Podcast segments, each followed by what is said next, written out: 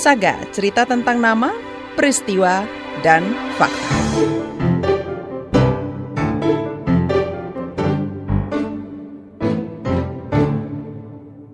Saudara pesantren Darussalam di Banyuwangi, Jawa Timur menjadi salah satu klaster besar COVID-19. Ribuan santri dikarantina di dalam pesantren usai temuan kasus positif. Bantuan pun mengalir dari berbagai kalangan, tak terkecuali dari saudara lintas iman Jemaat Katolik Gereja Santo Paulus Jajak. Jurnalis KBR Hermawan Arifianto berbincang dengan relawan gereja yang ikut membantu proses karantina di pesantren. Simak kisah lengkapnya berikut ini meeting untuk di sini sih mulai tanggal 31 kemarin. Jadi nggak ngitungin hari kita mas. Siang itu, Bimo ingin sejenak melepas penat. Sedari pagi, ia hilir mudik di pondok pesantren Darussalam Blok Agung Banyuwangi, Jawa Timur. Pemilik nama lengkap Haryo Bimo Yudo ini berbincang santai dengan relawan lain di posko penanganan COVID-19 yang berjarak sekitar 100 meter dari pondok. Sebelum tanggal 31 tuh saya udah sering bolak-balik ke sini kan, ngurus sampai jam jam 10 sampai jam 12 datang ke sini balik lagi ke rumah itu. Sudah dua pekan lebih Bimo menjadi relawan di tim gabungan pemerintah. Ia dikirim oleh gereja Santo Paulus Jajak untuk membantu proses karantina pesantren. Tak kurang dari 6.000 santri diisolasi di dalam pondok usai ratusan santri positif COVID-19.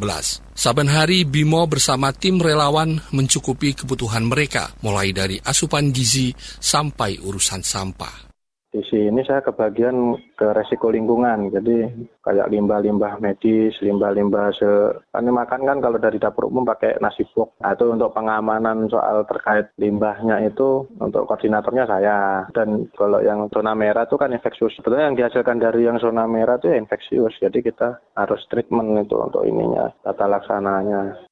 Selama 8 jam bertugas, Bimo juga ikut berpatroli, memastikan santri tidak keluar dari area isolasi. Di sana, santri yang positif COVID-19 dipisahkan dari santri lain yang negatif dan berstatus suspek. Kadang ya kita juga keliling untuk ngawal karantinanya ini berjalan nggak ini. Ada yang keluar-keluar nggak ini yang dikarantina di dalam gitu. Terus disinfeksi gitu. Disinfeksi ruangan. Kalau yang dari pondok A kita gimana nih? Kita geser ke yang B. Biar yang A bisa areanya kuning nggak merah gitu kan. Kita kan klasifikasi ya kita pisah-pisah gitu. Harapannya sih biar yang kuning ini nggak campur sama yang merah.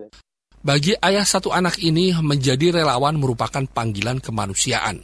Berbeda keyakinan sama sekali bukan halangan, meski Bimo harus rela tak bersua dengan keluarga untuk sementara kan memang dilatih untuk hal seperti ini kita memang dicetak untuk hal seperti ini. Jadi paling dukanya ya nggak bisa ketemu keluarga itu aja mas. Kita juga mau untuk ibadah yang ke gereja juga kan nggak bisa karena kan kita kita membatasi lah untuk kontak dengan orang luar itu. Di luar ring satu kita batasi Selain mengirimkan relawan, Gereja Santo Paulus Jajak juga membantu kebutuhan pangan dan keperluan mendesak lainnya. Bantuan diantar langsung oleh Pastor Kepala Paroki Romo Fajar Tejo Soekarno bersama pengurus gereja. Romo Fajar menceritakan kisah lucu saat mendata kebutuhan para santri apa sih kebutuhan yang saat itu istilahnya mendesak? Saya pikir-pikir dapur umum sudah lancar. Ya ini lucu. Saya itu tidak menikah tapi karena kepepet bupati Romo bisa enggak mencarikan pembalut sama hand sanitizer? Ya mungkin bisa. Akhirnya seharian itu saya itu bingung cari dan sebagainya. Bagaimana ya? Akhirnya saya tanya lebih lucunya lagi apa? Saya itu tidak menikah akhirnya saya investigasi umat saya Romo Pajar menyebut pandemi COVID-19 adalah bencana kemanusiaan. Virus corona menyerang tanpa pandang bulu atau latar belakang. Menurutnya tak perlu saling menyalahkan terkait kemunculan klaster baru di pesantren Darussalam. Yang terpenting memastikan keselamatan para santri dan menyetop penyebaran virus bencana ini atau apa pun bencana apa pun dan sebagainya itu sudah kalau sudah melanda manusia itu tidak mengenal suku agama golongan ras dan sebagainya. Dan itu menjadi tanggung jawab kita bersama. Nah akhirnya begitu yang namanya di Blok Agung Darussalam itu apa pun yang terjadi sebenarnya tanpa disuruh ya dengan sendirinya apalagi itu menjadi wilayah tanggung jawab saya toh Sementara itu, Gubernur Jawa Timur Hovifah Indar Parawansa menjamin kebutuhan para santri tercukupi sampai proses karantina berakhir, termasuk pemeriksaan kesehatan rutin dan tes usap. beberapa hal kaitan dengan kebutuhan masker, vitamin, dan kemarin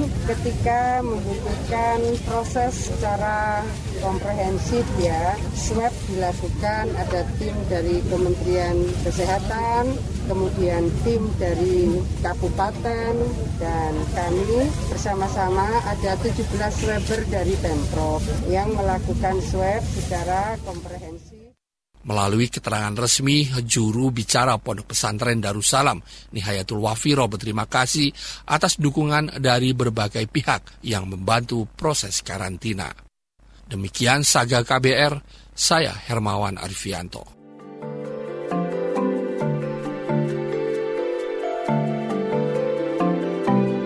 Saga, cerita tentang nama, peristiwa, dan fakta.